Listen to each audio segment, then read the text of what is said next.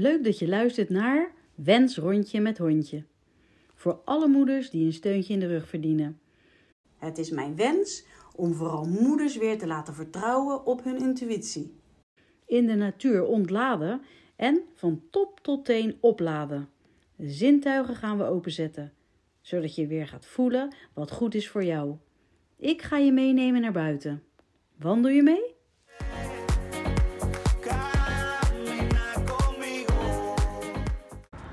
Concrete conclusie. Bestaat dat eigenlijk wel, concrete conclusie? Iedereen heeft zijn eigen mening en zijn zicht op dingen. De een knalt het heel snel naar buiten en laat zich horen. En de ander heeft een mening, maar die houdt die voor zichzelf binnenin. Wat is beter? Het eruit gooien, zodat die persoon er vanaf is en daar anderen mee kwetst? Ja, daar denkt die persoon niet aan, want ja, dat maakt niet uit. Hij of zij is het tenminste kwijt. De ander kropt het op en krijgt hier zelf last van, maar heeft in ieder geval anderen niet gekwetst. Het is ook maar net hoe het er bij jou thuis aan toe ging. Alhoewel ik wel eens hoorde, rustig nou maar. Terwijl ik iets wilde zeggen. En daardoor ging ik mijn stem verheffen. Schreeuw niet zo. maar daardoor werd het eigenlijk alleen maar erger. Het werd geactiveerd. Ik kreeg dan het gevoel dat ik mezelf juist wilde laten horen. Er werd dan niet geluisterd naar wat ik wilde zeggen, maar alleen maar gekeken naar de manier waarop ik het zei. Bij mij thuis was het dus rustig, lief zijn, geen ruzie maken. En zo leer je jezelf niet echt te uiten. Of de ander ging in slachtofferrol en dat gaf dan ook geen goed resultaat of gevoel. Ongemerkt zeggen we dat ook snel tegen onze eigen kinderen. En daarmee luisteren we niet echt naar elkaar. Heel lang geleden kocht ik een boek, Luisteren naar kinderen, van Thomas Gordon. En volgde ik een cursus daarin, de Gordon-methode. En in eerste instantie dacht ik, hm, kinderen moeten toch naar ons luisteren. Alleen leerde ik dat wanneer je ze de kans geeft om zich te uiten, het zakt. De piek van frustratie, boosheid of onbegrip zakt. Wanneer ze hun verhaal kunnen vertellen. Als die kans niet gegeven wordt, dan stijgt die piek omhoog met boosheid, frustratie tot gevolg. Je kan de situatie ook zonder strijd benaderen. Het is ook niet leuk om altijd maar ruzie in huis te hebben met de kinderen of strijd.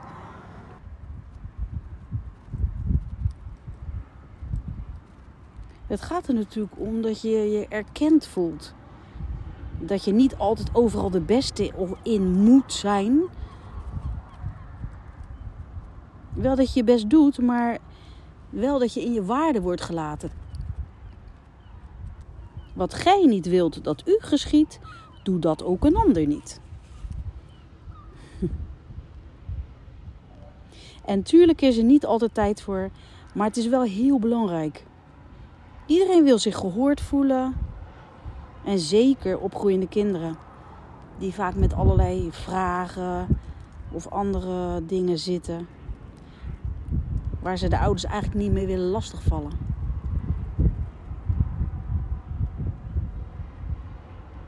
Of dat iedereen te druk is. Dan denken ze, nou laat maar. Actief luisteren naar je kinderen. Ja, dat versterkt echt de band met je kind. Niet dat zij de baas in huis worden, maar wel de opgroeiende kinderen zo begeleiden dat ze zelf na gaan denken. Even een denkertje aanzetten, zeiden wij vaker genoeg. Ik ben natuurlijk wel van het voelen, maar even je denkertje aanzetten is toch ook handig. Want hé, hey, ze moeten het straks wel zelf gaan doen in de wereld, de maatschappij. En niemand die dan rekening met ze gaat houden. Hè? Je wil ze toch helpen naar zelfstandigheid. Het verbaasde me ook zo erg toen mijn eerste zoon eigenlijk voor zijn vierde, dus dat was peuterspeels altijd, heel klein. Opvallend gedrag vertoonde volgens de juf. En waar bestond dat dan uit? Nou, ja, heel veel autootjes achter elkaar zetten. Nou, volgens mij doen alle jongetjes dat. Maar goed. En er was ook altijd een vissenkom. Daar zat een kaboutertje op. En dan gooide die altijd in het water. Als die binnenkwam, plop, kaboutertje in het water. Maar ja, of dat nou echt een probleem is. Hij dacht gewoon, nou, die hoort toch gewoon in het water te zwemmen. Is maar net hoe je het ziet, hè. Als je niet oppast, worden ze bestempeld met autistische trekjes. Nou, heeft iedereen dat wel een beetje in zich, maar. Wat ze dan adviseren is dus om vooral heel veel rekening te houden met de kinderen. Dat alle hobbels en bobbels worden gladgestreken, maar dat gaat niet. Want zo leren ze het niet.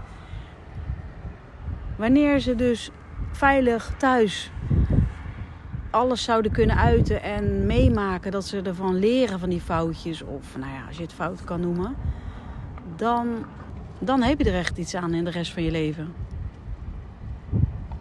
Maar als alles gladgestreken moet worden en alles en overal wordt rekening gehouden met een kind, dan komen ze zichzelf dus tegen als ze het huis uitgaan of volwassen zijn. Want ja, de wereld gaat echt geen rekening houden met jou. En dan heb je ook niet geleerd om ermee om te gaan. En mee leren omgaan hoe je bent, hoe je functioneert, wat je mindere eh, kanten zijn of je pluspunten zijn. Ja, dat is eigenlijk heel belangrijk om te weten van jezelf. En daarmee te spelen en te leren voor als je de grote wereld ingaat. De grote boze wereld. Want er zijn natuurlijk genoeg dingen die er gaan gebeuren in je leven. Geef niet. Maar als je daar beter mee om kan leren gaan. En wanneer je ze alleen opvoedt met machtsvertoon en of straffen. Ja, dan is er niet echt een band opgebouwd. Het is echt een eye-opener als je eens kijkt naar hoe we eigenlijk communiceren naar elkaar. En dat begint bij je kinderen. We leren van elkaar. Ze zijn als een spiegel voor ons, maar kijken we wel naar onszelf? En luisteren we wel naar ze om ze echt te horen wat ze bedoelen?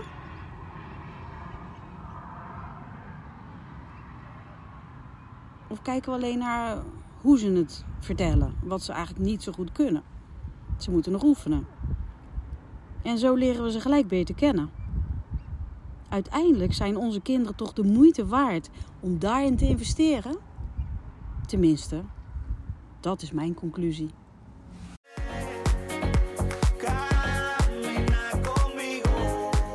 Allereerst super bedankt dat je naar deze podcast luisterde. Ik hoop je wakker te schudden om altijd te blijven vertrouwen op je eigen intuïtie. Juist in deze snelle wereld is het zo belangrijk om te blijven voelen. En wil je mij blijven volgen? Abonneer je dan op mijn podcast. Wens rondje met hondje. Gewoon even klikken op abonneren. Via Instagram, vertrouw op je intuïtie, kan je mij ook contacten. Een screenshot maken van de podcast, dat is ook heel leuk. Dank je.